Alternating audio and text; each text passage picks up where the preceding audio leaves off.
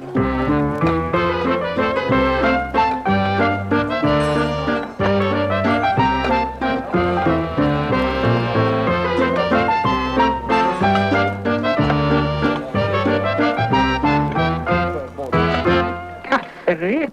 Hallå alla ni glada fina som har gett oss femmer i betyg på, på podcaster.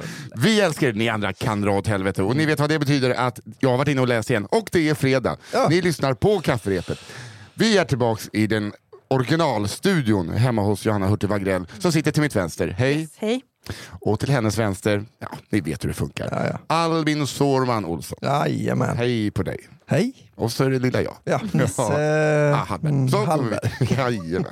Paus. Ja, här, var det, här var det varmt som vanligt. Mm. Det, är liksom, det, är en, det är en bastu utan aggregat kan man säga. Och furu på väggar. Och, Just det. Ja, är det furu? Nej, det är ek. Men det är eh, skitsamma. Det är Det är, trä på väggen. det är trä på väggarna. Nisse, vad kul att du är glad igen. Vadå?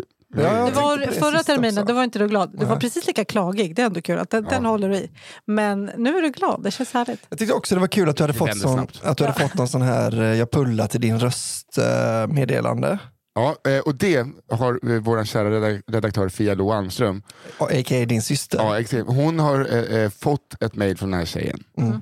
som bad om ursäkt. Det var inte mer, alltså, för att då, det var, hon eh, återkopplade till någonting vi har pratat om i podden. Ah. Ja, ja, ja. Eh, så att eh, jag, eh, nu är det jag som ber om ursäkt. Ja. Att jag, alltså vi, jag skojar lite. Du har nästan gjort den här, eh, jag och hon har legat och sen så frågar man henne, så, nej, jag har inte legat med. Ja. Får du Du det? ljugit om att någon har, att din historia är, nu, nej, det var inte riktigt så det var. Men det var ju, hon hörde av sig nu. Ja, jo, jo, jo, jo, det fattar jag. Men det blev ju nästan som att hon trodde så. Aha, nu tror Nisse att jag har pullat i hans röst bara. Helt, att jag bara skickar in det helt spontant. Jo, men det tror jag fortfarande. Eller det hoppas jag. För det tyckte jag också var roligt för att hela, kanske de, om man lyssnar, lyssnar om de fem första avsnitten så är, har du ju fem olika röster. Att du Ja. låter döv i ett avsnitt. Ja, och det är ja, det är otro- otroligt. Och det var väldigt mycket, väldigt mycket stånk i början. Ja, Som du la in med mening.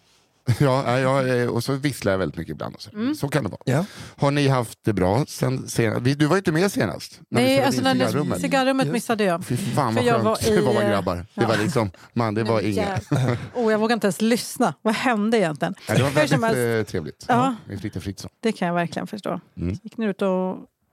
Skojar. Jag skulle säga något jättegrovt. Visst inte det? Men Jag var i Norge, det var kul. Mm. Det var härligt. Det var kul för jag la ut på Instagram att jag var där och skrev att de är bättre än oss. För Mm.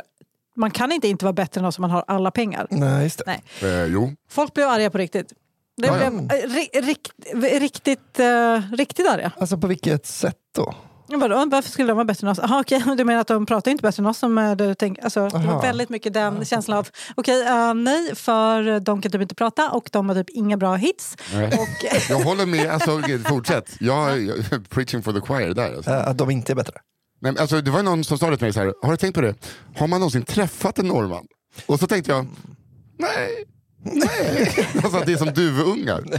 Alltså att, det bara, att de bara luras. Just det. De bara finns. Jag, jag, jag, jag har träffat två ja. kanske. Alltså man, någon har man väl träffat, men det kan ju också vara en skådespelare för att de har några Ja, bra. Och de jag har träffat är ju skådespelare. Så att, Just det. du har ju träffat hon som jag, gjorde, eh, som jag jobbade med också.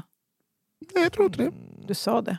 Okej. Nu är det igen. Jag har legat med. Ja, nu börjar han ha ljugit igen tjej. Ja. Eh, men för det här för er som bara, så här, vad är det här för konstig podd? Är det en sån snickeri-snack-podd där de överdriver historier som Alex och Sigge? Nej, men vi eh, överdriver historier. Eller vi berättar historier. Som förmodligen är lite Ja, de är helt sanna. Ja. Där, eh, där de tvistade lärde. Ja. Vi läser upp historier ni lyssnare skickar in. Det kan vara om Janne Kuken, Kerstin Kyckling, eller någonting från er hemstad eller en annan stad, eh, eller en skröna. Mm. Eh, Eller något ni har varit med om, något ni har hört, något Ja. om er pappas frus första man. Ja. Ni Ja. Och så skickar ni in det till kafferepet underproduktion.se så tar min syster tillika vår redaktör Fia Lo Almström och väljer ut de bästa för veckan. Ja. De nio bästa. Ja, de nio Mm. bästa. Så läser vi tre var. Och vad, hur, jag- har vi läst dem innan Albin? Nej, vi läser om Avista. Exakt, som klassisk orkester. Ja, Så läser vi rätt upp och ner så Ja. skulle man kanske kunna säga på svenska. för första gången. Ja, för första gången. Ja. Så sitt inte och håll på era historier, skicka in dem. skicka, Ja. Vi behöver nya hela tiden. Och vi Vart vet, skickar man? jag har ju redan sagt det. Det har du gjort ja. Kafferepet at underproduktion.se. Kafferepet att underproduktion.se. Ja. Minns du det här nu? Albin? Nu, jag minns ju, jag vill bara tänka två gånger. Kan man, det är alltid som i radio, va? säger de alltid telefonnumret två gånger? Mm. Alltså 0745... Och så säger de så här, men det finns andra Jag mejladresser. Men jag vill bara eh, replik på att du har varit i Norge och eh, folk lackar. Jag har varit i Göteborg och lagt upp, fan vad jag börjar tycka om den här staden. Och Stockholm rasar. Flytta dit då för fan! Ja, din jävla- kanske jag gör. ja, du kommer bli Blåvitt, åker de ut så håller du på Blåvitt. Alltså såhär, bara lugn. Ja just det, du är ju lite sån eh, nedgångssupporter. Du kanske håller på Vänta, Blåvitt. vänta, Nedgångssupporter. Ja, som började hålla på Bayern jättemycket när de åkte ur och var så åh kolla vi är underground, vi är David mot Goliat. Vad? jo, då. så var det alltid. nu kör vi igång. det. Gör det. Nu låter vi vara okommenterat. Men jag står för att man, man inte riktigt ska vara patriot i Sverige för det är, det är förenat med eh, lite trista konnotationer här. Så, blir man så, så är folks lokalpatriotism helt överdriven. Ja, Liksom. Framförallt Göteborgs eh, lokalpatriotism i- och Skånes är galen. Men Men du Stockholm sa ju precis att du fick piss för, från stockholmare. för Medan att- alla i Göteborg bara “välkommen hit, du passar här på bästkusten”. Så bara, säger aldrig bästkusten. Fan vad finurligt det är ändå att bäst rimmar på väster. Har ni tänkt på det? Västmanland.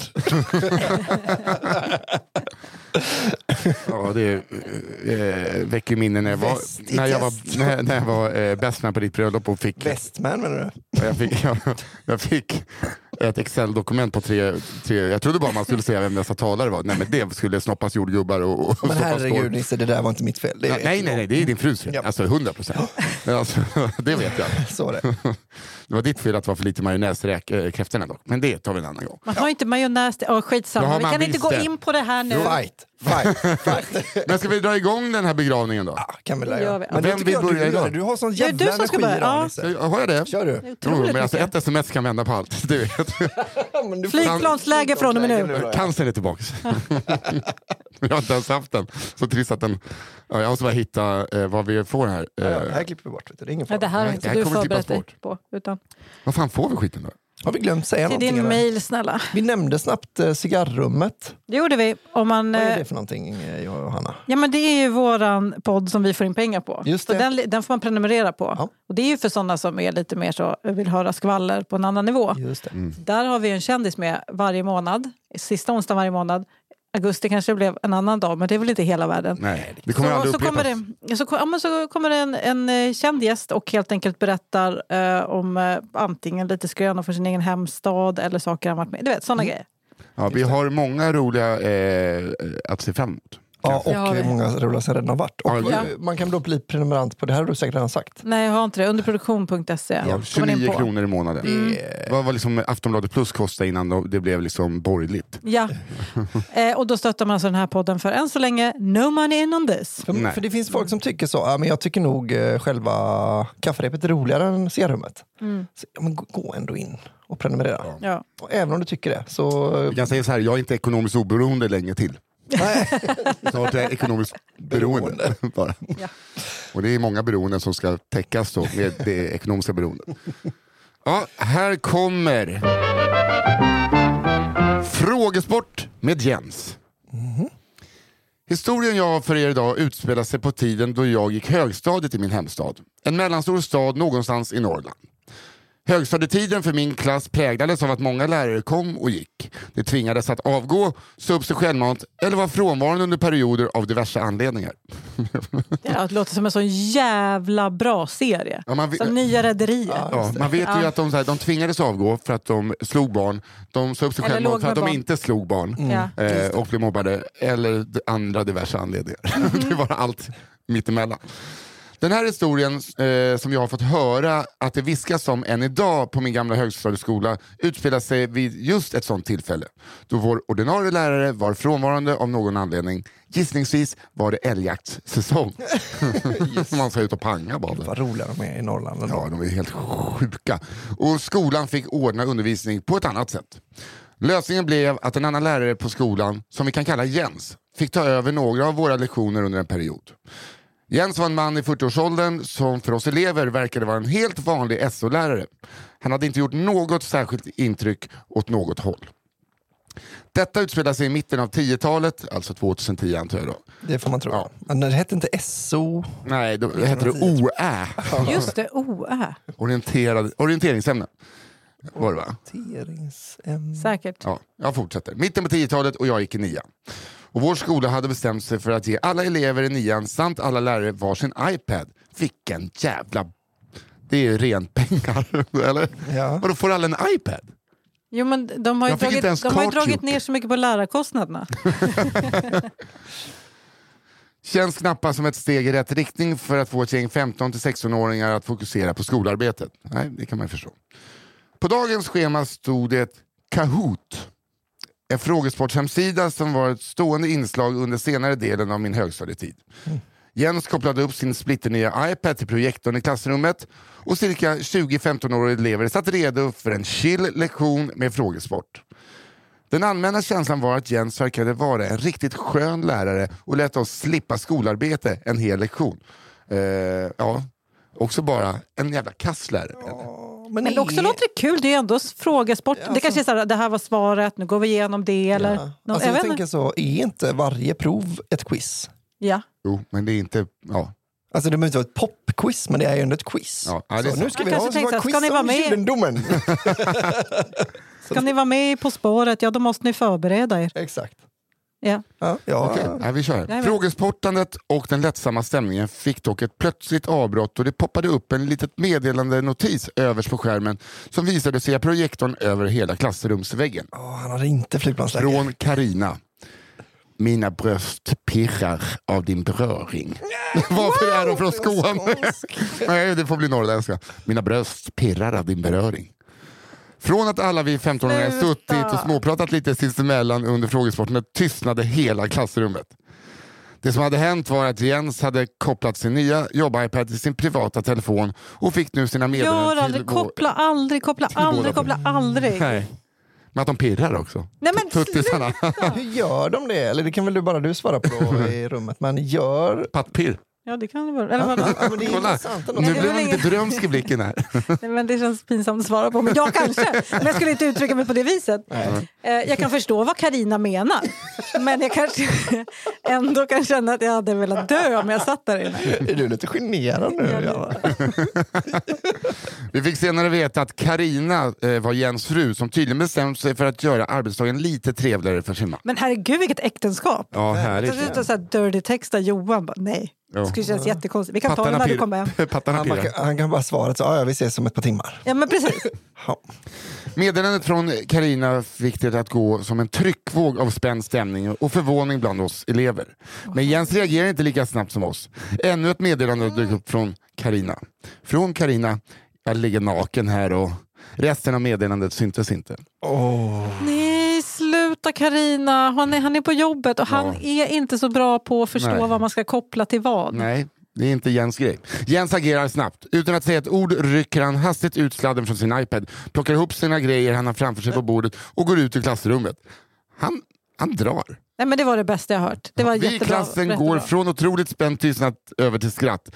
Eh, viskande sinsemellan och för de högljudda grabbarnas del rop sinsemellan i stil med! Såg du det där? det var inte heller norrländska. Värt att nämna är även att vår klass hade en extra elevresurs som alltid var med oss i klassrummet. En kvinna i 65-årsåldern som Åh, suttit nej! med oss i klassrummet och även hon har sett händelseförloppet. Vi kände alla kollektivt i klassen att vi just varit med om något stort. Det var vår sista lektion för dagen men alla hängde kvar lite extra länge i skolan och diskuterade uppspelt eh, händelsen och det saftiga skvallret vi nu kunde sprida. Vi hade inte några fler lektioner med Jens, trots att det var schemalagt att vi skulle ha haft det. Vissa skolor hade kanske haft en, ett allvarligt snack med ele- eleverna efter en sån här händelse.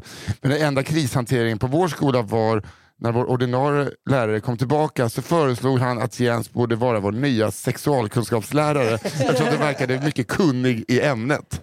Det låter toppen. Ja, det låter...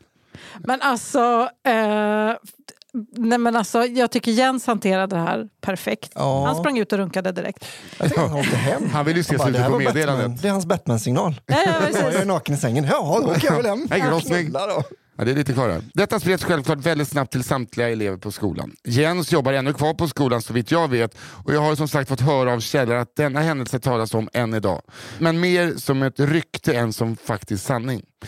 I efterhand lider jag verkligen med Jens. Få saker känns värre än att blotta sig sådär inför ett rum fullt med 15-åringar. Men där och då var det en av skolårets mest underhållande händelser. Det förstår jag Man verkligen. får ju undra om Karina känner till det här. Mm, det, Älskling, eh, det var ju tur att det inte eh, dök upp en eh, liksom, bild. ja, Gud ja. En suddig pattis. Eh, för Ja. jag tror inte det är lika bra kameror. Eller en, en väldigt eh, väldefinierad, bara full on. Så att säga, det känns ju En bra. riktig livmoders... eh, Precis. bild, Here's my cervix.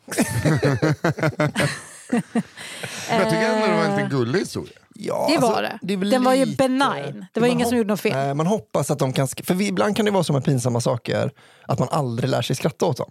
Men jag hoppas verkligen att de kan skratta åt det här nu. Carina Mm. Jag jobbar kvar på skolan så jag undrar jag. Ja, men, Men jag, men jag hoppas menar. också det såklart. Ja. såklart. Ja, men det var inte så jävla farligt. Det pirrade lite i pattarna och sen låg hon där och kladdade på sig själv. Det var inte mer med det.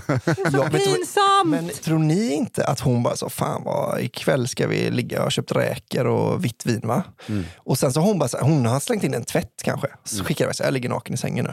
För att liksom bara, hon gör ju inte det. Man behöver inte ligga, hon kan, man kan ljuga i sms. Mm. Jag tror att hon har gjort något riktigt osexigt under tiden hon skrev det. Jag hinner lägga mig i sängen sen innan Fått han ätit rå, kommer. rå falukorv, så lite tjocka skivor.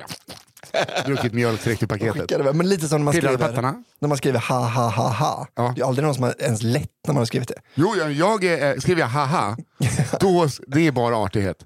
Men skriver jag ha ha ha ha ha, då skrattar jag. Ah, okay. Det ska ni veta om ni får ett eh, Mm. sms av mig. Ja, samma här. Eh, nej men eh, jag önskar eh, Karina och Jens allt måste gott. ringa Karina får inte glömma dig. Ja, Johanna Hurtig Wagrell. Ja, nu är det jag. Den här heter Tigertjejen. Monique. Hoppas det handlar om Karina. I alla fall, eh, när jag var 11 så bestämde sig mina föräldrar för att vi skulle ta en weekend på det fantastiska Parken Zoo Mm. i världsmetropolen Eskilstuna. Just det, där har vi haft några historier från innan va? Ja. Virtanen och Fredrik Lindström. Det är också, Aftonbladet har haft en del historier därifrån om döda antiloper i frysar och sånt där tror jag. Denna resa blev något av en legend inom vår familj av flera anledningar som jag nu ska lista upp för er. Av någon outgrundlig anledning bestämde sig mina föräldrar för att det skulle vara lite roligt och flippigt att boka rum på en camping som erbjöd sovplats i en rad tågvagnar. Den första natten insåg vi dock att min pappa var längre än vad kupén var bred. Det, det, det är pyttesmå tågvagnar. gammalt tåg. Det var Ja. ingen som var lång då. och vi var därmed tvungna att sova med öppet fönster så att min pappas fötter kunde sticka ut. Annars fick inte, han inte plats i sängen. Jävla buskisfamilj alltså. Otroligt, otroligt mycket Sune Sommar över det. Ja, verkligen. Det känns flippigt. Vadå, hur, hur, Ja, hur, hur, billigt var det? Hur billigt var ni det? är snåla bara. Bara snåla.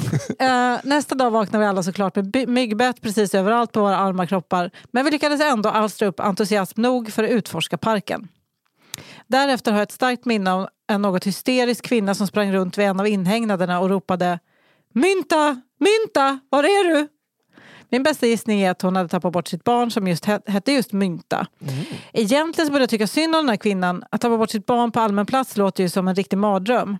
Tyvärr råkade det vara så att några tonårskillar hade hört hennes desperata skrik efter mynta och bestämde sig för att bygga på skämtet.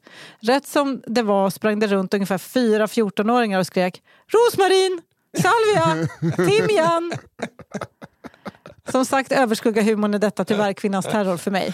Fan vilka duktiga 14-åringar. Ja, de kunde mycket. Dill. Ursäkta, har ni Rosmarin? Rosmarin, hon är på lagret. Rosmarie. Eh, Okej. Grädden på moset levererades dock någon gång tidig eftermiddag då personalen skulle mata parkens mycket kända vita tiger. Jag är ganska säker på att detta inte längre är en tradition på Parken Zoo. Anledningen till detta kommer snart klargöras. Men när jag var där 2009 var denna mellisdags något av ett spektakel. Något geni hade nämligen kommit på den briljanta idén att locka publik genom att låta barnen leka dragkamp med tigern. Eh, Det utfördes på följande sätt. Ett rep frystes in i ett stort köttstycke. Detta rep drogs sen genom gallerstängslet till inhägnaden och där skulle en handfull barn stå och idka dragkamp med tigern. Skämtar du? What the fuck? Det är det sjukaste jag hört. Alltså nu vet vi att den här, det här är en historia som blivit hitskickad. Det kommer naturligtvis gå fel och det gick väl kanske bra massa gånger. Men hur fan tänker de? Ska vi inte ha, ska vi inte ha att man kan, liksom, kan säga ja, men det ska vi kanske gå då. Jag tänker, okay, jag tänker ett steg längre. Det ska vara barn. Det ska vara barn som har dragkammaren. Vilka, Ja, det är verkligen, då har man blivit lugn med tigern. ja, de är ju helt... Det var ju ändå vårdare som blev uppätna av en varg på Kolmården. Ja. Och då, de, de ger sig inte på barn. Nej, jag tror inte barn eh, beger sig aldrig vilddjur på på det viset. Alltså. Så det ska nog vara lugnt. Nej, eller hur? De följer ju det här FNs. Barnkonvention. Ja. Eh, när personalen bad efter frivilliga barn ställde jag ivrigt upp eftersom jag var väldigt förtjust i djur. Men även för att jag vid denna ringa ålder inte hade någon särskild känsla för min egen fysiska säkerhet. Sagt och gjort, jag ställde mig i ledet med de andra barnen, tog tag i repet och väntade på att tigern skulle släppas in i buren. Det var dock här jag begick ett ödesdigert misstag. Repet var nämligen så pass långt att det låg i en stor hög på marken. Och när jag intog position så placerade jag min högerfot mitt i rephögen utan att märka. Ni kan säkert gissa vad som hände härnäst. Tigern gjorde sin entré, tog tag i köttstycket och drog utav bara helvete. Varpå repet drogs åt eh, runt min vad och jag slängdes upp mot staketet. Det som gjorde situationen extra lustig var att repet hade dragits genom staketet på ungefär en och en halv meters höjd.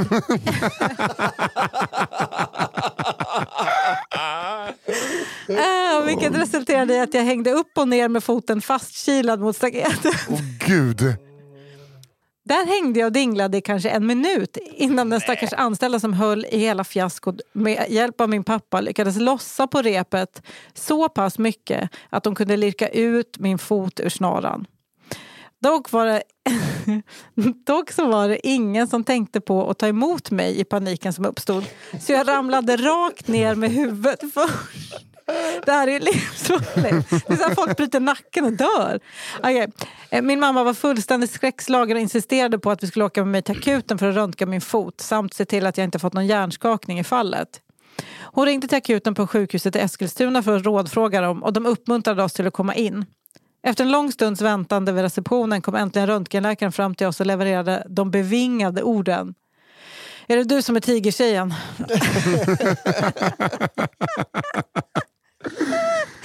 Uppenbarligen hade, hade min mammas telefonsamtal spridit sig som en löpeld runt sjukhuset. Och nu visste samtliga i personalen om tjejen som blivit attackerad av en tiger på Parkens zoo. Jag kan bara tänka mig hur besvikna de blev när jag kom in och det enda jag hade att visa var en blodig vad och en bula. I vad jag endast kan anta var ett desperat försök till att få mina föräldrar att inte stämma parken eller gå till medierna erbjöd Parken Zoo oss att jag som kompensation för detta trauma skulle få vara djurskötare för en dag. Vilket jag självklart tackade ja till. Nej! Jobba gratis. Run!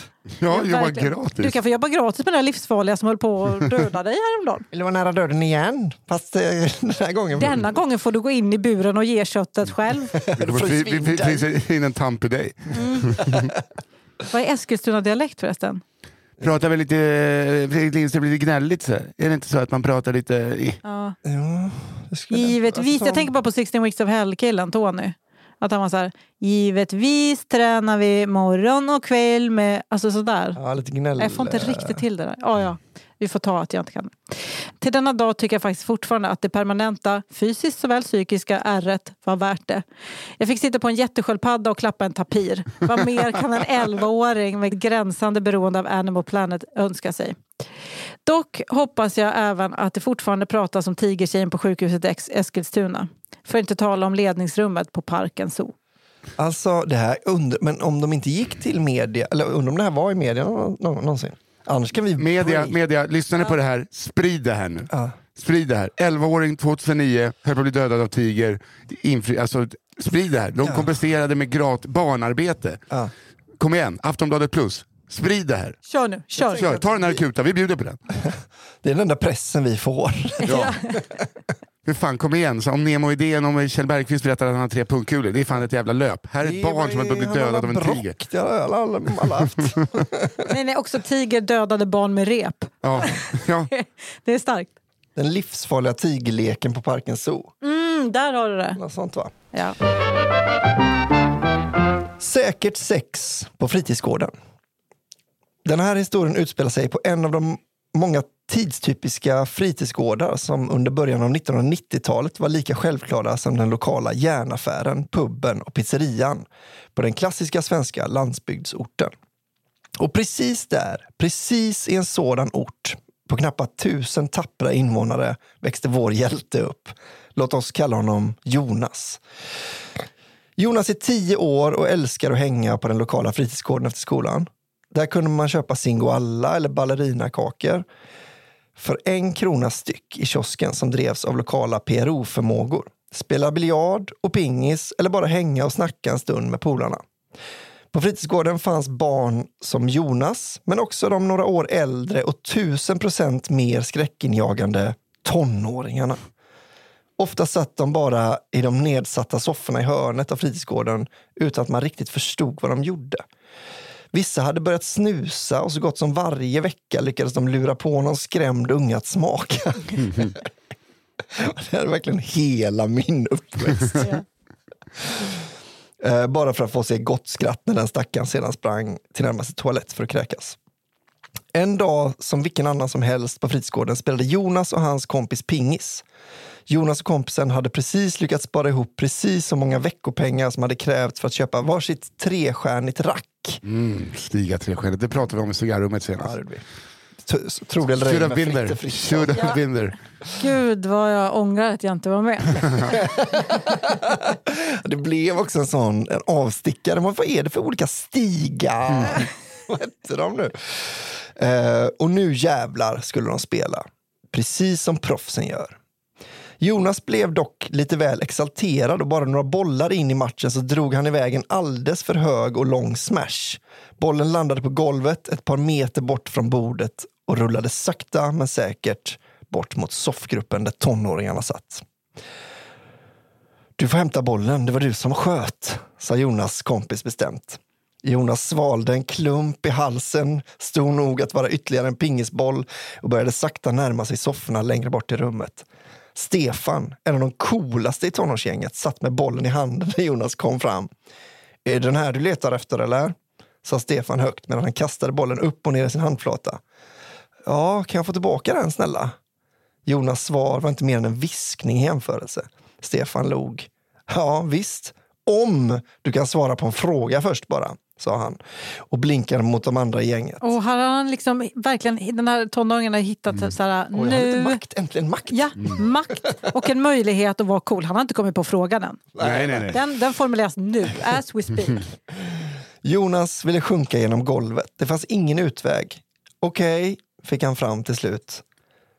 Vad är en kondom för något? Åh, det var det värsta han kunde komma på! skrek Stefan så högt att det hördes över hela fritidsgården. Alla stannade upp och vände sina blickar mot sofforna. De andra i gänget kunde knappt hålla sig för skratt när de tittade på Jonas och hans bekymmersamma min.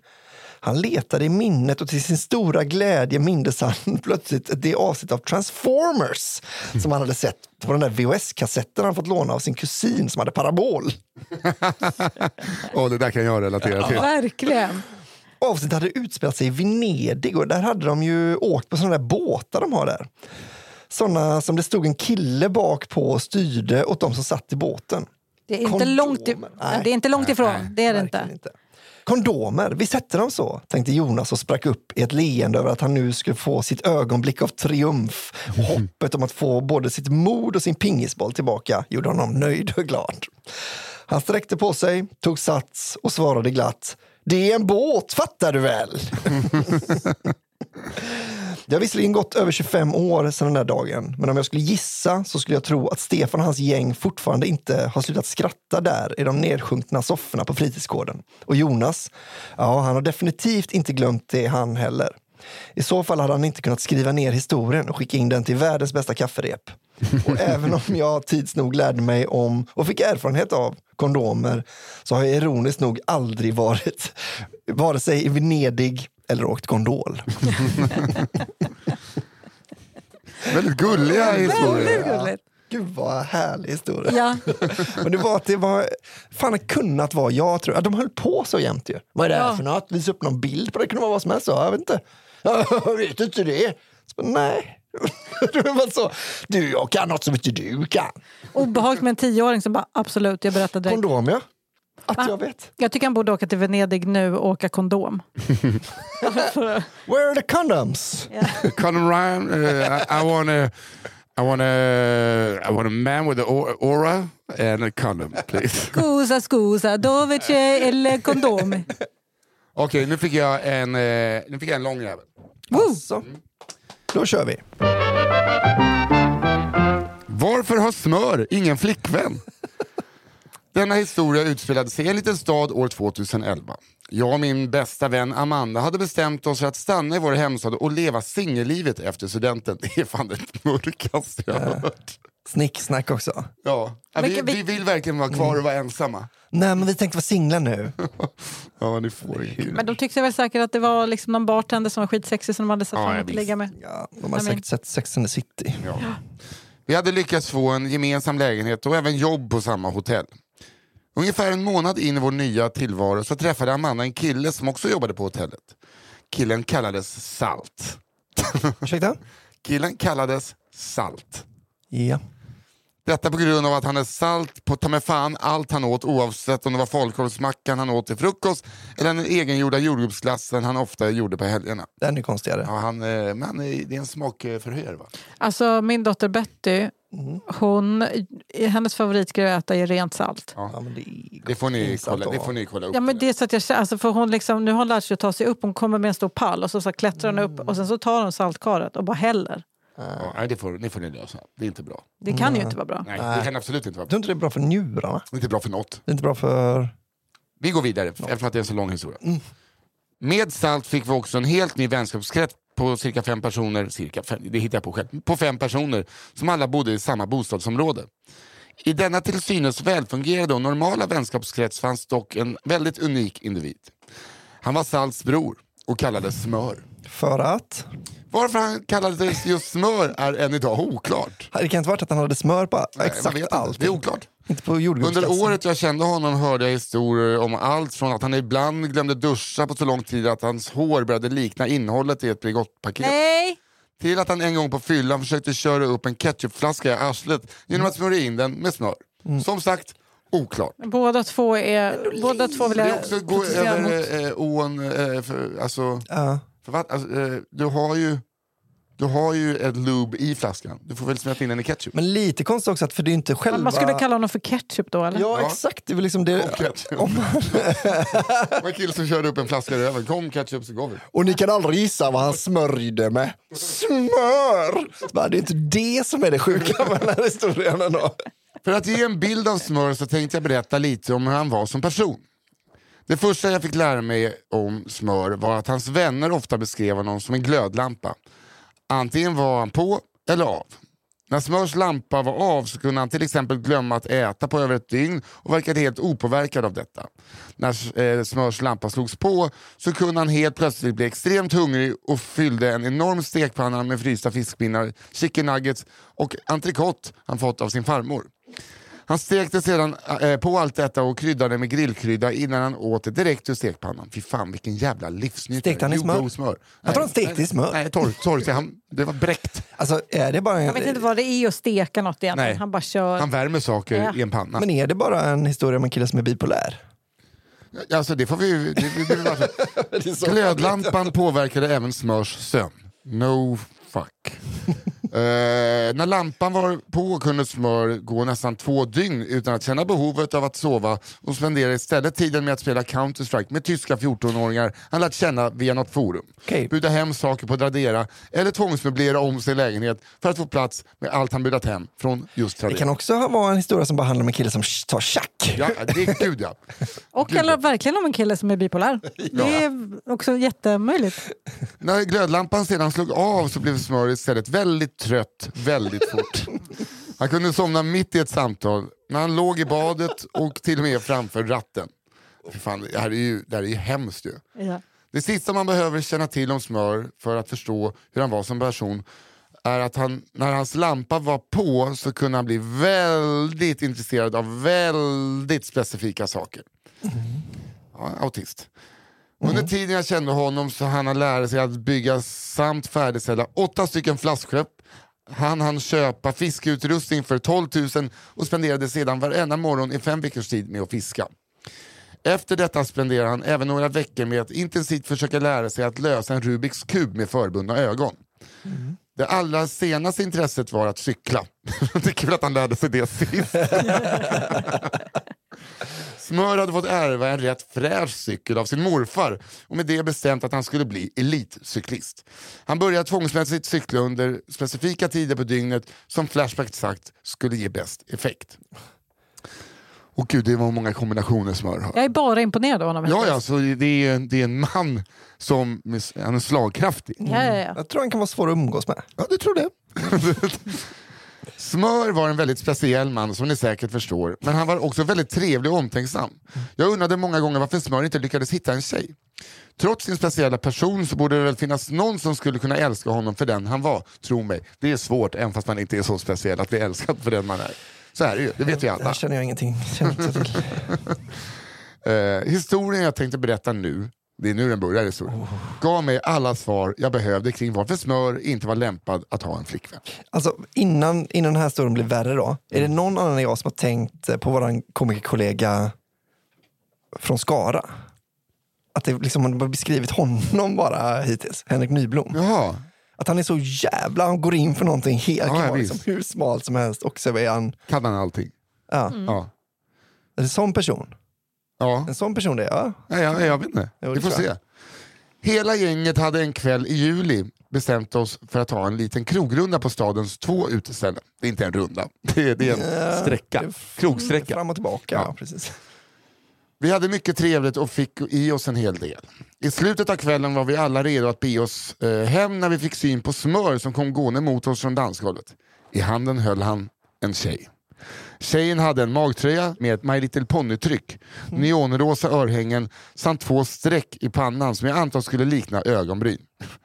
Klädstilen påminner om eh, Henrik Nyblom. Wow. Ja. Hennes ja. Ja. Smör förklarade att tjejen skulle följa med hem. Vi var alla lite förvånade. Det var inte ofta Smör visat intresse för det andra könet, men kul för honom, tänkte vi. Väl hemma tog Smör med tjejen eh, upp till sin lägenhet medan vi andra gick och la oss inne i lägenheten där Salt bodde. Ungefär halv sju på morgonen vaknade jag av ett bankande på ytterdörren. Jag gick och öppnade och möttes av Smör, iklädd full cykelmundering. Han såg Full, vad gal... sa du? Full- Cykelmundering. Okej. Han hade de där eh, klickskorna och Ja. eh, sånt rövskydd och downhillhjälm. Han såg galen ut i blicken. Trampade på stället och kastade ur sig ord min bakfulla hjärna inte greppade. Galen! Inlåst! Cykla! Hjälp! var ord jag till slut lyckades urskilja. Till slut tog han bara min hand och började släpa mig upp mot sin lägenhet. Väl inne hörde jag direkt att något var på tok. Från det lilla rummet direkt in till vänster i hallen som Smör använde som förråd hörde jag ett bankande, frustande och galgar som slängdes omkring. V- vad har du i garderoben Smör? Var det enda jag fick ur mig. I min hjärna var svaret en galen järv som lyckats smita in när Smör var ute och cykla. När Smör istället svarade Det är hon! Så bestämde jag mig för att kika in i rummet. När jag öppnade dörren fick jag se alla saker som tidigare funnits i rummet i en enda stor hög på golvet. Högst ovanpå satt en tjej från igår gränsle i sann kissposition och stirrade intensivt på smör. Reste sig sedan upp och tog eh, av sig ett par svarta blöta stringtrosor och la dem högst uppe på högen av saker. What? Hon fortsatte stirra på smör och gick sakta emot oss. Vad fan är det här för skräckhistoria? Men gud. Rent instinktivt backade vi båda undan och lät tjejen passera ut genom rummet och ut genom ytterdörren. När hon gått så tittade jag på Smör och utbrast Vad fan! Han sa inget så jag fortsatte och frågade Vad fan, vad fan gjorde hon där inne? Han tittade dumt på mig och svarade Jag låste in henne såklart. Nej, men alltså, jag kände det på mig. Kidnappningshistorien. Där tjejen är traumatiserad för livet. Efter en kopp kaffe och en trio hade Smör lyckats berätta hela historien. Han hade haft vilt galet sex med tjejen hela natten. När klockan började bli lite väl mycket så hoppades han att hon skulle gå. Han behövde ju ut och cykla klockan fem. Han hade därför sagt att hon skulle gå och ta på sig träningskläder och sedan låst in henne i badrummet i hopp om att hon skulle försvinna. Vad fan är det här? När de kom ut såg han att hon hade däckat på hans hallgolv medan hon försökt ta på sig sina skor.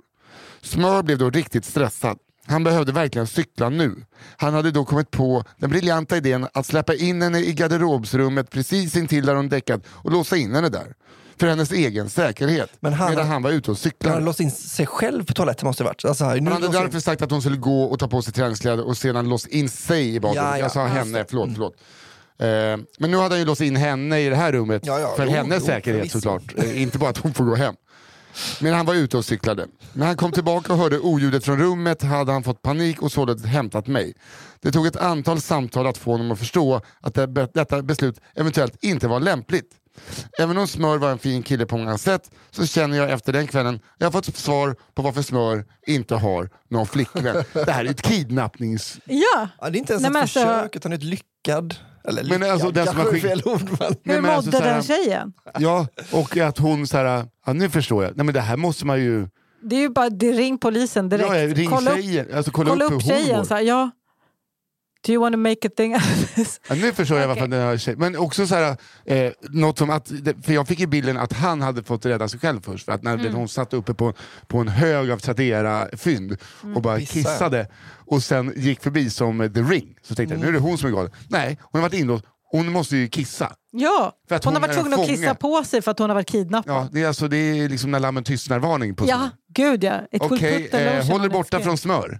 Smör. Alla kön och djur. Verkligen. Mm. Och smör, hör det här så eh, Albin, det är Albins ord. Jag är livrädd för dig. Smör var en fin kille men alltså han var lite så här att han kidnappade tjejer och det är därför han inte har tjej.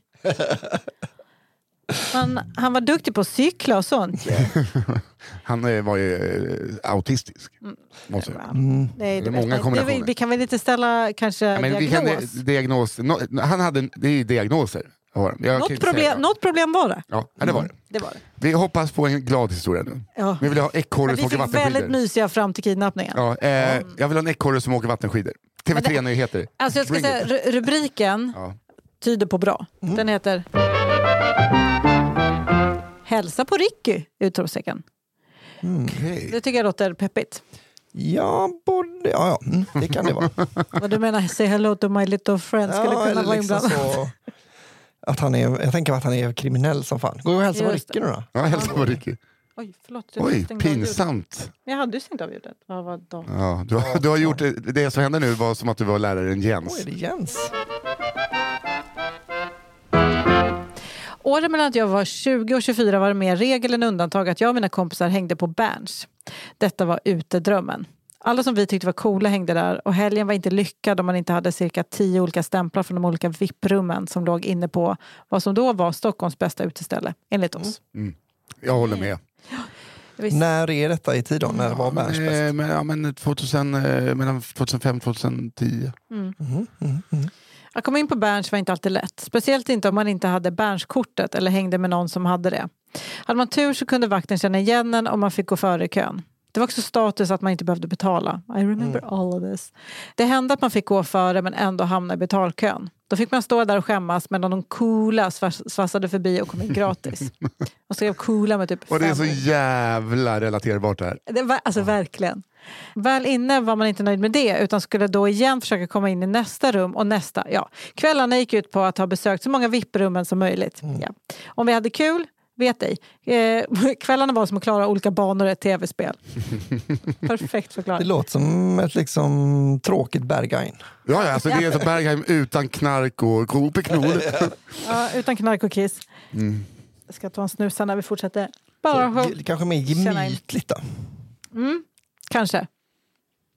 Också kanske lite mer uh, stick up people's Ja, asses just det. ändå, trots att det var Berghain. Alltså på det dåliga sättet. Ja. För på Berghain finns det också pinnar i röva va? Ja. Men inte... Där finns det buttplugs. Eh, hur som helst. Det är lördag och alla ska till Berns. Väl utanför står en massa uppklädda personer i vad som var kön in till himlen. Entrén var en halvcirkel i glas så kön var mer en klunga än ett led. Där stod folk och viftade med sitt kort för att vakten skulle peka på dem så att de sedan kunde få komma in i paradiset. Vissa hippa snubbar hade lärt sig vaktens namn och försökte ofta i hetsen ropa på dennes namn, kallprata lite i hopp om att denne vänskap skulle göra att de fick gå före. Oh Det var jag. Ja. Tja! Okej. Denna lördag är jag där med mitt ex. Alternativet att inte komma in fanns inte. Vi var beredda att stå där i timmar om så behövdes. Ingen av oss hade kort. Mitt tuffa ex testar med att ropa på vakten. Louis, Louis, tja, läget, kul att se dig. ah, så pinsamt. Men det är det killar har. Ja. Mm. Louis! Tja! Ja, ja, men jag kan vänta.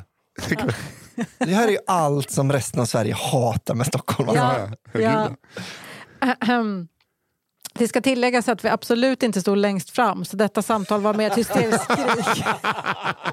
Det står så 13 tjejer framför och håller för öronen. Kan du där och ropa så högt? Och Louie bara, åh nej. Ah, Ja, just det. Detta samtal var mer ett hysteriskt skrik. Ja, ett rop på hjälp. Eh, några meter framför mig ser jag räddningen. Min kompis Marie. En cool stylisttjej som man alltid kunde gå eh, efter in på stället. Jag ställer mig på tå och ropar på henne några gånger. Min röst försvinner i vad som kan liknas ett konserthav. Men till slut hör hon min desperata stämma. Hon vänder på huvudet. Hej Fia! Jag är här med en kompis. Hälsa på Ricky. Bakom henne står en kille i brunt lockigt hår. Han verkar inte höra hennes uppmaning att vi ska hälsa så jag försöker luta mig fram och knacka på hans axel för att artigt säga hej. Lika bra då jag visste att Marie skulle säga till vakten att även jag och mitt ex var i sällskap med henne. Som sagt, jag försöker peta honom på axeln men i en trång folkmassa är det svårt och jag tappar liksom fotfästet. Jag behöver något att luta mig mot för att inte tappa balansen.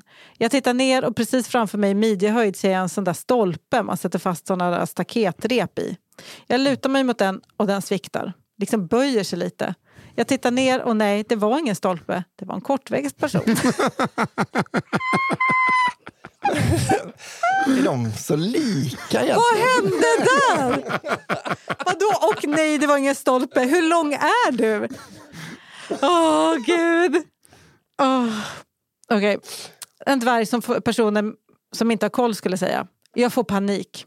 Säg förlåt tusen gånger samtidigt som jag försöker, helt sjukt, fixa hans frisyr som jag sabbade. Åh, gud. Åh, försöker fixa hans frisyr. Eh, Alltså jag sabbade när jag tryckte ner honom. Eh, Samtidigt bakom mig står mitt ex och väser av skam då han bara ser sin tjej rufsa om en kortväxt person i håret. Han tror att, det, att jag tycker det är gulligt med en liten person och tror jag attackerat honom så som man gör med gulliga hundvalpar. Åh gud. Svettas. Ja, jag med. I denna tumult sträcker den lille mannen upp handen och säger skrattande små dalmål. Ingen fara, det är jag som är Ricky.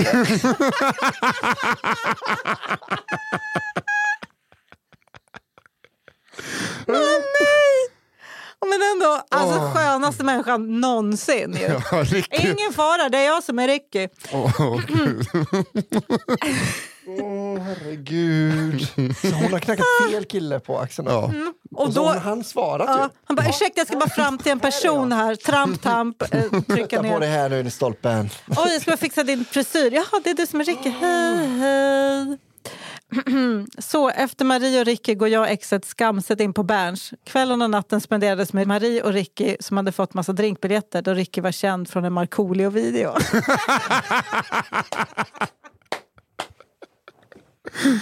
Det är fan perfekt. Åh gud, you go Ricky! Och typ en av mina favorithistorier någonsin. Jag svettas så mycket i Ja, handen det just här nu. var... Åh, det är jag som är Ricky.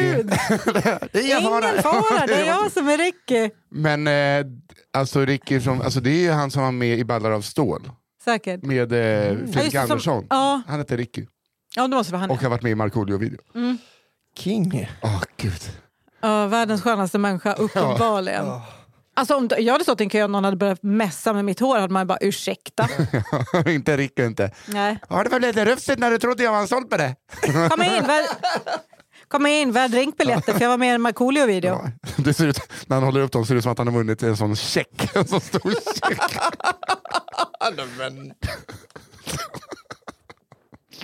Ta den här ja. Det, det bjuder Ricky på känner jag. Ja, det tror jag. Han är skön. Ja, han är superbjussig. Ja, det är bara resten av communityt som kanske känner sig lite Ja, ja, trampade ja. på. Men eh, det får vi väl hacka i så. Otroligt, otroligt härligt.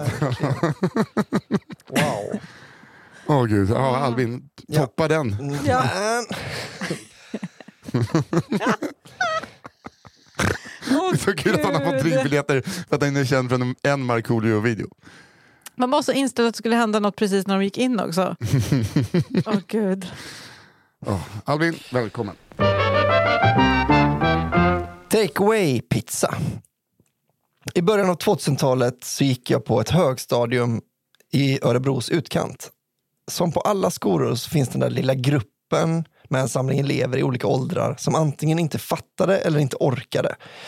I lilla gruppen, lilla klassen kallar du det? Ja, alltså, I i Stockholm heter det lilla klassen. Är du kvar på Ricky?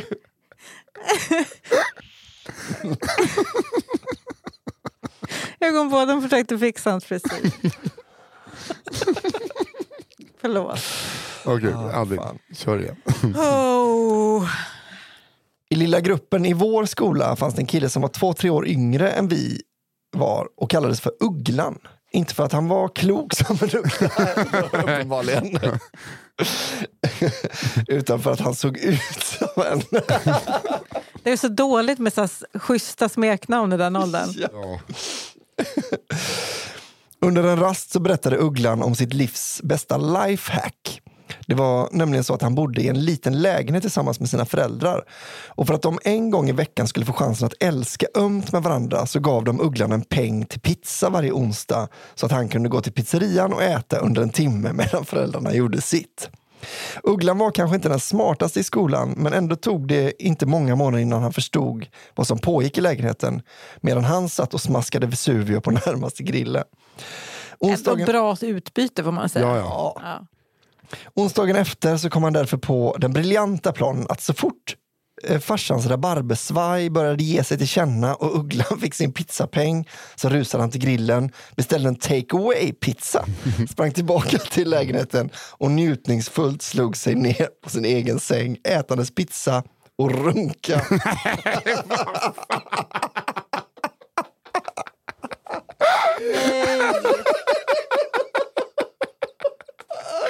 Jag såg inte den komma.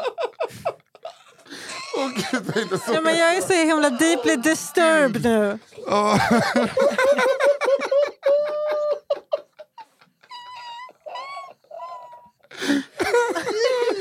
Nej, Ugglan! Åh, Ugglis.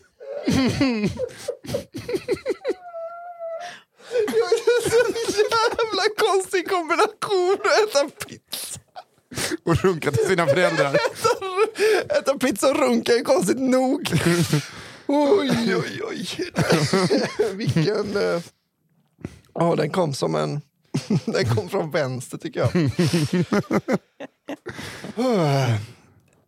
Eh, ja, vart var jag nu då? Sprang tillbaka till lägenheten och njutningsfullt slog sig ner på sin egen säng, ätandes pizza och runka. Allt till ett ljuvt ackompanjemang av föräldrarnas stönande. Något som han dessutom berättade glatt i skolan dagen efter. Åh gud. Det är det. Det är det. Jag ska inte sitta här och äta pizza, jag kan hem och runka. Åh gud. Åh, Ja, det, det, det var för äckligt faktiskt. Nej, ja, men, Ja. han gick i lilla gruppen. Oj, oj. Vad fan sitter jag här när det är, när det är, det är lilla Amsterdam hemma? Vad gör det om pizzan blir ljummen på vägen hem? Åh, gud, vad härligt. herregud Ugglan. Vad fan. Ska... Fan, jag får de långa rackarna idag. Ja, så är det. Här kommer min sista då. Ja. I nästa historia kommer det, eh, för er som är känsliga för eh, våld mot djur, eh, då får ni hoppa över min historia här. För att den eh, är, det är, bland, eh, det är bland det grövsta. Om ni gillar sånt, ner med gylfen.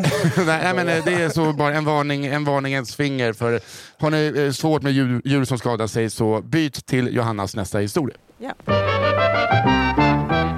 Förlåt Jonathan. Det är en Anna Johansson som har skickat in. Nej, nu kommer jag igen på Albins. Ah, ja. ja. Okej. Förlåt Jonathan.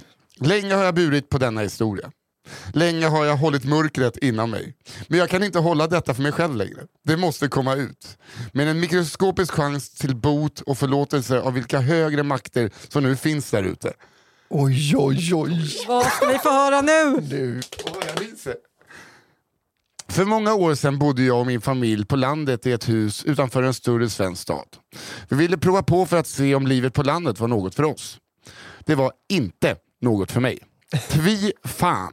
Fyra kilometer till närmsta granne. Alla vägar blev välling vid minsta regndroppe. Gräsmatta större än Kungsträdgården som man behövde ta en semestervecka för att klippa.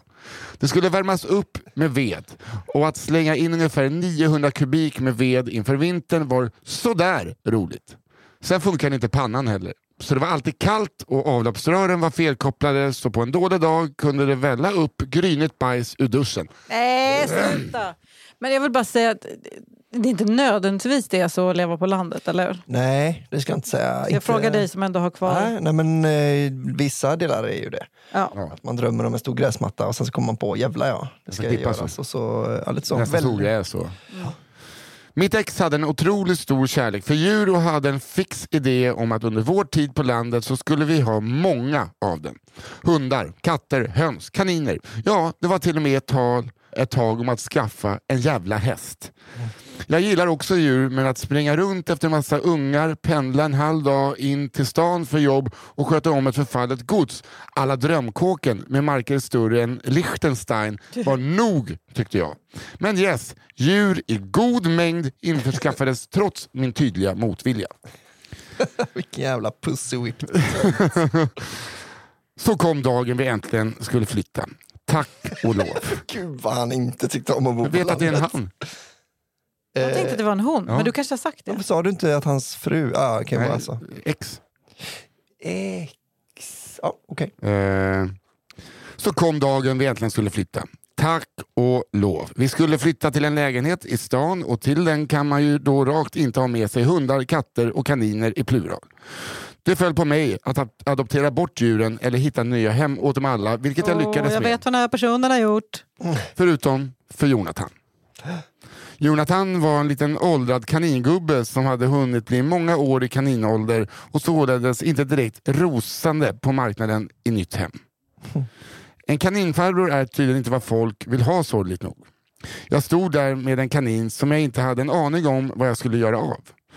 Först tänkte jag släppa ut kraken i skogen men sen insåg jag att det var högst ohumant vilket kommer att sluta att grabben svälter till döds, fryser ihjäl eller blir isärdragen lem för lem av den lokala räven. Ta till veterinären för insomning var tyvärr inte ett alternativ just här. Varför inte då? Varför Det är inte? dyrt som fan. Jag insåg med Vad jävla fasa... dyrt är det inte? Flera tusen kostar det väl? Ja, men det är inte så jävla dyrt. Det är Nej. det väl för en kanin? Om det väller upp bajs i duschen så har man inte de tusenlapparna. jag insåg med fasa att det här behövde jag lösa själv. Jonathans liv var det jag och ingen annan som behövde avsluta. Problemet var att jag hade noll kunskap i hur man tar livet av en liten kaningubbe på snabbast och minst smärtsamt sätt. Hur gör man? Fråga inte hur, men jag landade i det absolut snabbaste sättet att göra detta. Det är helt enkelt att vrida nacken av djuret. Sagt och gjort. Google, Google, Google. Jag tog upp det stackars djuret och vred till. Tyvärr hade jag underskattat, eh, och det grövsta, hur otroligt starkt en nackstruktur är även hos en kanin. Det hände ingenting egentligen, mer än att kaninen fick panik och förmodligen fick väldigt, väldigt ont och förmodligen oåterkalleliga skador på diverse kotor. Jag drabbades av total panik och härdsmälta inför det misslyckade mordförsöket. I paniken så går jag till en spontan plan B som helt enkelt blir att dränka Jonathan. Nej, nej, nej, nej! Jag tappar upp ett grovt... Det är inte ens redo! Oh my Han har liksom inte en God. sån en sån här vattningstunna redo. Men Nej. Kommer ni ihåg i början av det här hur vi tyckte att allt var så himla fint och Ja. försiktigt? Och gulligt. Jag tappar upp ett grovhandfat i tvättstugan och kör ner Jonathan under ytan och ber till alla gudar att detta ska gå fort och smärtfritt för oss båda. För oss båda, för Jonathan. Alltså. Kan inte tala för Jonathan, men jag står där under tårar och känner mig som det värsta och mest kallblodiga mördaren någonsin. När skakningarna under vattnet äntligen har upphört så tar jag upp djuret och lägger i en plastpåse. Jag går ut för att begrava honom eh, och har en liten andakt till hans minne. Det är sjukt. Men se på fan, det är mitt i den brinnande vintern och kärlen ligger djupt. Inte en chans att jag kan gräva en grop här. Jag hittar en liten håla under en gran längst ut på tomten. Skjutsar över löv och grenar och, och annat bråte. Böjer mig ner och gråter fram ett “Förlåt Jonathan” åker därifrån med den absolut värsta känslan i kroppen jag någonsin haft. Jag önskar verkligen att historien var slut här. Men nix. Dagen efter så ska jag och min kompis som arbetar som snickare komma tillbaka till huset för att byta lite lister och annat fix inför flytten. Vi står vid hans bil som står parkerad inne på tomten precis vid huset och lastar prylar och tjatar. Jag vill bara last- avbryta och säga att det här är nog en kille. Det börjar kännas mer som det va? Åh, jag orkar inte ta ansvar för det nämligen. Plötsligt fryser jag till och stannar upp mitt i en mening. En kall kår springer längs ryggraden. För när jag tittar bort mot syrenhäcken så hoppar där en gammal liten kanin till sin bästa förmåga. Jag känner såklart igen honom. Det är Jonathan. Jag spärrar upp ögonen av fasa när jag inser att han inte alls är död trots mina nackvrid och dränkningar. Vilken jävla fighter! Ja. Jag vill också Vilken- säga att man kan ha kaniner i en lägenhet. Vi har ju Ja. två kaniner här. Jo, men. Min kompis ser detta och undrar vad som pågår. Den, den där kaninen får jag ur mig. Jag, jag, jag dödade den igår. Jag berättar allt för min kompis som är jägare och van vid djur och behöver avliva djur som lider och han blir rosenrasande. För i helvete, du måste göra det ordentligt. Inga jävla halvmesyrer. Nu tar du tag i den där stackars kaninen, tar den i bakbenen så drämmer den allt vad du har mot ett träd. Ja. Jag tar tag i Jonathans ben och slungar honom mot ett träd och hans huvud träffar. Igen! Hårdare! skriker min kompis. Att en bordusman skriker på mig samtidigt som jag för tredje gången försöker ta livet av en stackars kanin rör mig återigen till tårar. Och det är en otrolig scen som utspelar sig. Ett kaninsving till som träffar klockrent på trädet och Jonathan är nu på riktigt död. Jag vågar inte berätta det här för mitt ex eller för någon annan heller då skammen i mig äter upp mig inifrån. Ibland påminner min kompis och hans fru när vi ses eh, med att helt enkelt komma upp bakom mig och viska Jonathan. Jag tänker ofta på Jonathan och drömmer ibland mardrömmar om hur en hämndlysten liten kaningubbe med röda ögon och krökt nacke hoppar på mig i dimman och ska utkräva sin hämnd. Har inte haft några djur sedan dess och tror inte jag kommer skaffa det heller. Framförallt inte kanin. Men jag har kunnat gå vidare med mitt liv någorlunda bra och jobbar idag som standup-komiker runt om i landet. Tack för en underbar podd kära ni. Hoppas vi ses snart. Johanna, eh, det är, hög, alltså det är, det är men upp och ner måste- här. Alltså jag, är- nu har jag Jag är helt skakad av Ja. den grova, grova historien. Och att det är en kollega till oss som eh, vi inte vet vem det är. Men eh, Det är en bra historia med. Det är ju liksom, det är ju, han skäms ju och allting. Jag vet ju om att det är fel va? Men Ja. det var ju... Ja. Eh, men nu gör vi så här att vi hoppas på eh, TV3-nyheter, ekorre som åker. Ja, ja det är så jag får se det nu. Eh, Johannas sista historia, varsågod. Ah, den förra var typ sedelärande. Ja. Ja. På vilket sätt? ja, men nu vet man ju hur man ska inte göra. Ja, det, i, Och också vad man får leva med för liksom, kval. ja, precis, den här komikern, han vet ju nu att 2000 kronor inte är dyrt för att avliva en kanin. Ah, Okej. Hemmagjorda munkar och mord. Här kommer en historia som hände min kompis som vi kan kalla Robin, för det är exakt vad han heter och ett väldigt passande namn på Blekingemål. Robin. Eller är det Robin? Ja, jag vet inte. Eh, och hans tjej, en mörk höstkväll i djupaste Blekinge. Det var en parentes där så ni får tänka att det passar ihop. Min tjej fick en kväll craving för att göra hemmagjorda munkar. Hon kokade upp olja i stekpannan och först när munken skulle läggas i blev det olyckligtvis en explosion av olja rakt över flickvännen. Wow. Efter en kalldusch och lite handläggning med 1177 begav de sig iväg till lasarettet för att få brännskadorna kontrollerade av en doktor. Det ska nämnas att detta utspelade sig en mörk höstkväll och med allt som det innebär kan det ibland vara lite lurigt att ge sig ut på små skogsvägar när sikten är sämre. Kvällen som redan var förstörd hade inte nått sin kulmen då Robin och hans tjej råkade klippa ett mellanstort djur som plötsligt hoppat framför fronten och bilen. De stannade snabbt för att kontrollera vad som hade hänt och såg att en hund sprang ut i vegetationen. Medan tjejen spejade efter hunden gick Robin iväg till närmsta hus för att hämta eventuell ägare. Framme vid huset var det ingen som behagade öppna och han tog sig därför ett varv runt huset. I köksfönstret fick han kontakt med en kvinna inne i bostaden. Kvinnan var helt vit i synen och stod och skrek i sin telefon innan hon vips kutade iväg från fönstret som om hon hade sett ett spöke. Nej, men herregud, vad händer? I don't know, men gud vad läskigt att stå och prata telefon i sitt lilla hus och plötsligt så bara hallå. Robin ryckte på axlarna och jäktade iväg till grannhuset istället i hopp om mänsklig kontakt. Närmsta granne öppnade tur nog dörren och bekräftade att hunden nog tillhörde kvinnan men nämnde samtidigt att det dagen innan hade skett ett mord i kvarteret och det kanske var därför folk inte var så pigga på att öppna så här kvällstid. Wow! Tack för att jag fick den här Fia. Ehm, Robin masade sig tillbaka till kvinnans hus och ställde sig då utanför köksfönstret igen och knackade på rutan. Men sluta Robin! Robin, för fan. Robin! Robin! Skärp dig. Kom ut, din hund är nog lös. Jag är ingen mördare, skrek han. Robin, för det är så vad mördare en skulle mördare säger. Vilket i efterhand låter precis som en fras som ett psykfall skulle klämma ur sig för att locka ut sitt offer i mörkret. Ja. Det är lite den Clockwork Orange. Ja, vi har med en hemsk trafikolycka, snälla släpp in oss, vi kan ringa. Ja. Sen, Jag har aldrig sett den. Men eh, det låter rimligt. ja, det är en killfilm kanske. Det är det verkligen. Gud, jag måste sluta med det där. Ja, ja, hur som helst. In på gården sladdar en bil och en man hoppar ut med ett tillhygge och ropar mot Robin att han fan inte har här att göra borde lämna kvinnan i fred. Eh, Robin upprepade sin fras igen om att han inte är någon mördare och att kvinnans hund hade smitit ut i skogen och pekade mot sin bil ut på vägkanten. Mannen taggade ner och fick till slut ut den livrädda kvinnan för att jaga in hunden igen. Kvinnan ursäktade sig även för att hon inte hade öppnat direkt med att hon varit på helspänn hela dagen och suttit uppe hela natten innan med baseballracket och pepparspray i högsta hugg. Det vilken fattar jag verkligen! Och därför kanske missat att hunden smitit ut. Robin och hans oljebrända tjej åkte sedan vidare till lasarettet där sjuksköterskan som tog emot dem undrade varför de hade dröjt över en timme innan de till slut kom in.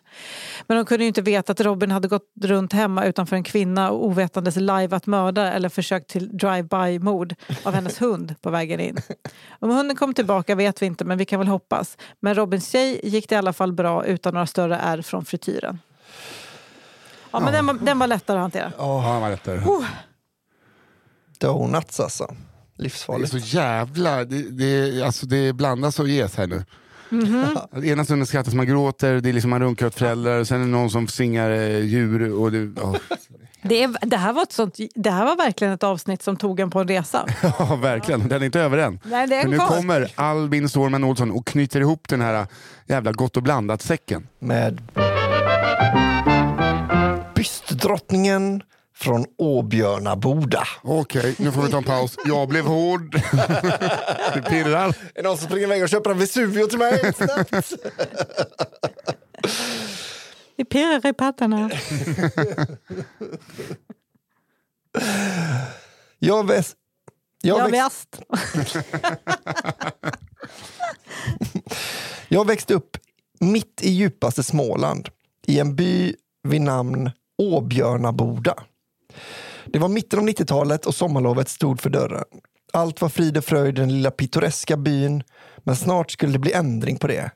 En liten bit utanför byn fanns ett litet hus som hade stått tomt i många år, men denna sommar flyttade det in en familj i huset.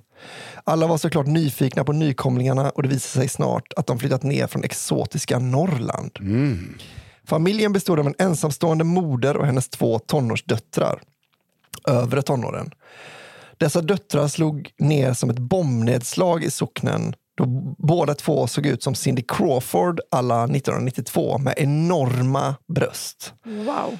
Det var sannligen en syn för gudarna och även för alla med manligt kön runt byn med omnejd. Omnejd är ett roligt ord.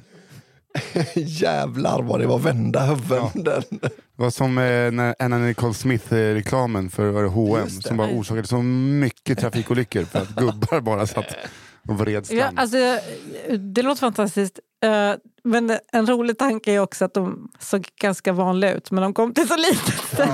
Ja, så de bara, det är ju Cindy Crawford! Ja, man hade jeansbyxa. ja. Ray! Och bh. Ja. Sommaren var varm och det tog inte lång tid innan kyrkorådets ordförande Ingegärd satt på ett symöte och berättade att hennes kar minsann kört förbi huset och gud förbjude sett ena dottern iklädd endast en trådatrosa. Aha. Alltså, det här är alltså som Änglagård. ju. Ja, verkligen. Klippandes gräset i trädgården. Från den dagen gick den lilla grusvägen från att vara helt öde till att bli en ganska vältrafikerad led. Åh gud vad roligt. det är gubbar och lite tanter också. Nej, jag tror att det, det är vägarbete där nere så att eh, ja, det blir tag i grusvägen. Det kan ta lite längre tid men det är fint att titta. Och, Jag tänkte plocka svamp. Kanske. Fatta vad jag menar. Nej men allvarligt, de har ju svamp allihop med trådar. Det vet man ju med sådana nylontrosor de har i Norrland. För jo, visst stämde det att äldsta dottern allt som oftast gick omkring med enbart stringtrosor i trädgården. Helt plötsligt började det dagligen promeneras med hundar, cyklas och köras med diverse motorfordon förbi det lilla huset där döttrarna, döttrarna glatt vinkade till de förbipasserande karlarna. Situationen påminde om den då Anna Nicole Smith gjorde underklädesreklam för H&M och folk krockade stup i kvarten. En som körde av vägen för att ha stirrat för länge på en av döttrarnas välskapta hylla var kyrkvaktmästaren Kenneth Eliasson. Gud vad det här känns som att det här är skrivet av Kenneth Eliassons numera frånskilda fru.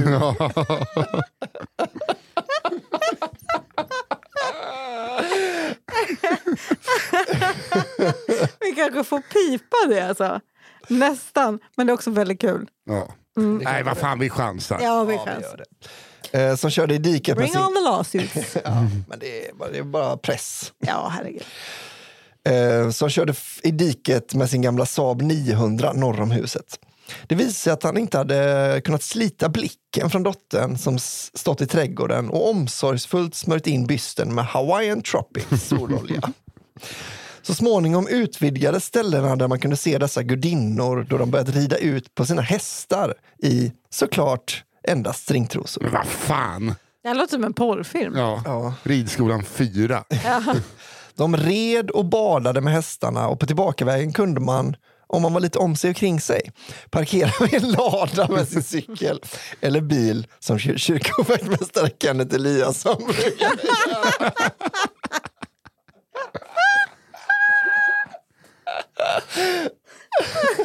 Det är för starkt. För att på tillbakavägen se dem komma i galopp på grusvägen med håret i vinden och de enorma bysterna hoppandes på bröstkorgen. Gubbarna kunde inte få nog. Efteråt fick man springa hem och dra en handtralla för att palla trycket. Gud. Värdigt att åka hem först, Ja. ja, det är värdigt. får man säga. Alltså. Det är en så jävla rolig historia alltså. Lyssna då. En dag kom det en Push Dakota åkande på den lilla grusvägen. Det var minsann Torbjörn Kristiansson.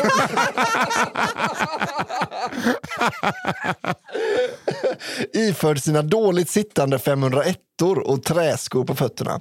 Hur i helvete han hade fått ihop det med den äldsta dottern var såklart ett mysterium.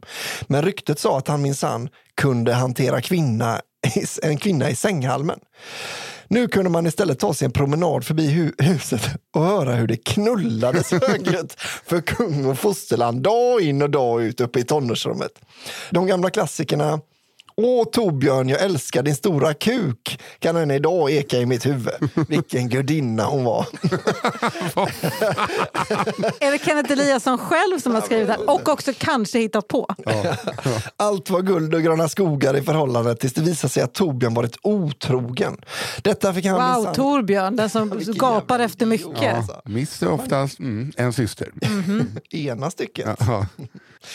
Detta fick han minsann ångra när han utan att berätta om fadäsen som vanligt kom åkandes på sin Push Dakota och gick in i huset. Denna gång kom han dock inte ut på egen hand. Han hade gått upp för trappan och mött sin flickvän som telefonledes precis fått höra vad pojkvännen kvällen innan hade stoppat in sin Petter Niklas. Torbjörn trodde själv att det skulle bli åka av som vanligt och var på topphumör. Han möttes av en vansinnig flickvän som sprang emot honom och gav honom en rejäl spark i skrevet. You go girl! Torbjörn tappade balansen och föll bakåt i trappan. Han bröt lårbenet och handleden och fick en rejäl hjärnskakning. Det blev ambulans och förhållandet var över. Anmälde då Torbjörn sin flickvän för misshandel? Svar nej. Den allmänna sanningen var att Torbjörn ridit på flickvännens häst som satt av i sken och ramlat av mot ett träd eh, och att de sedan, sedan växt ifrån varandra.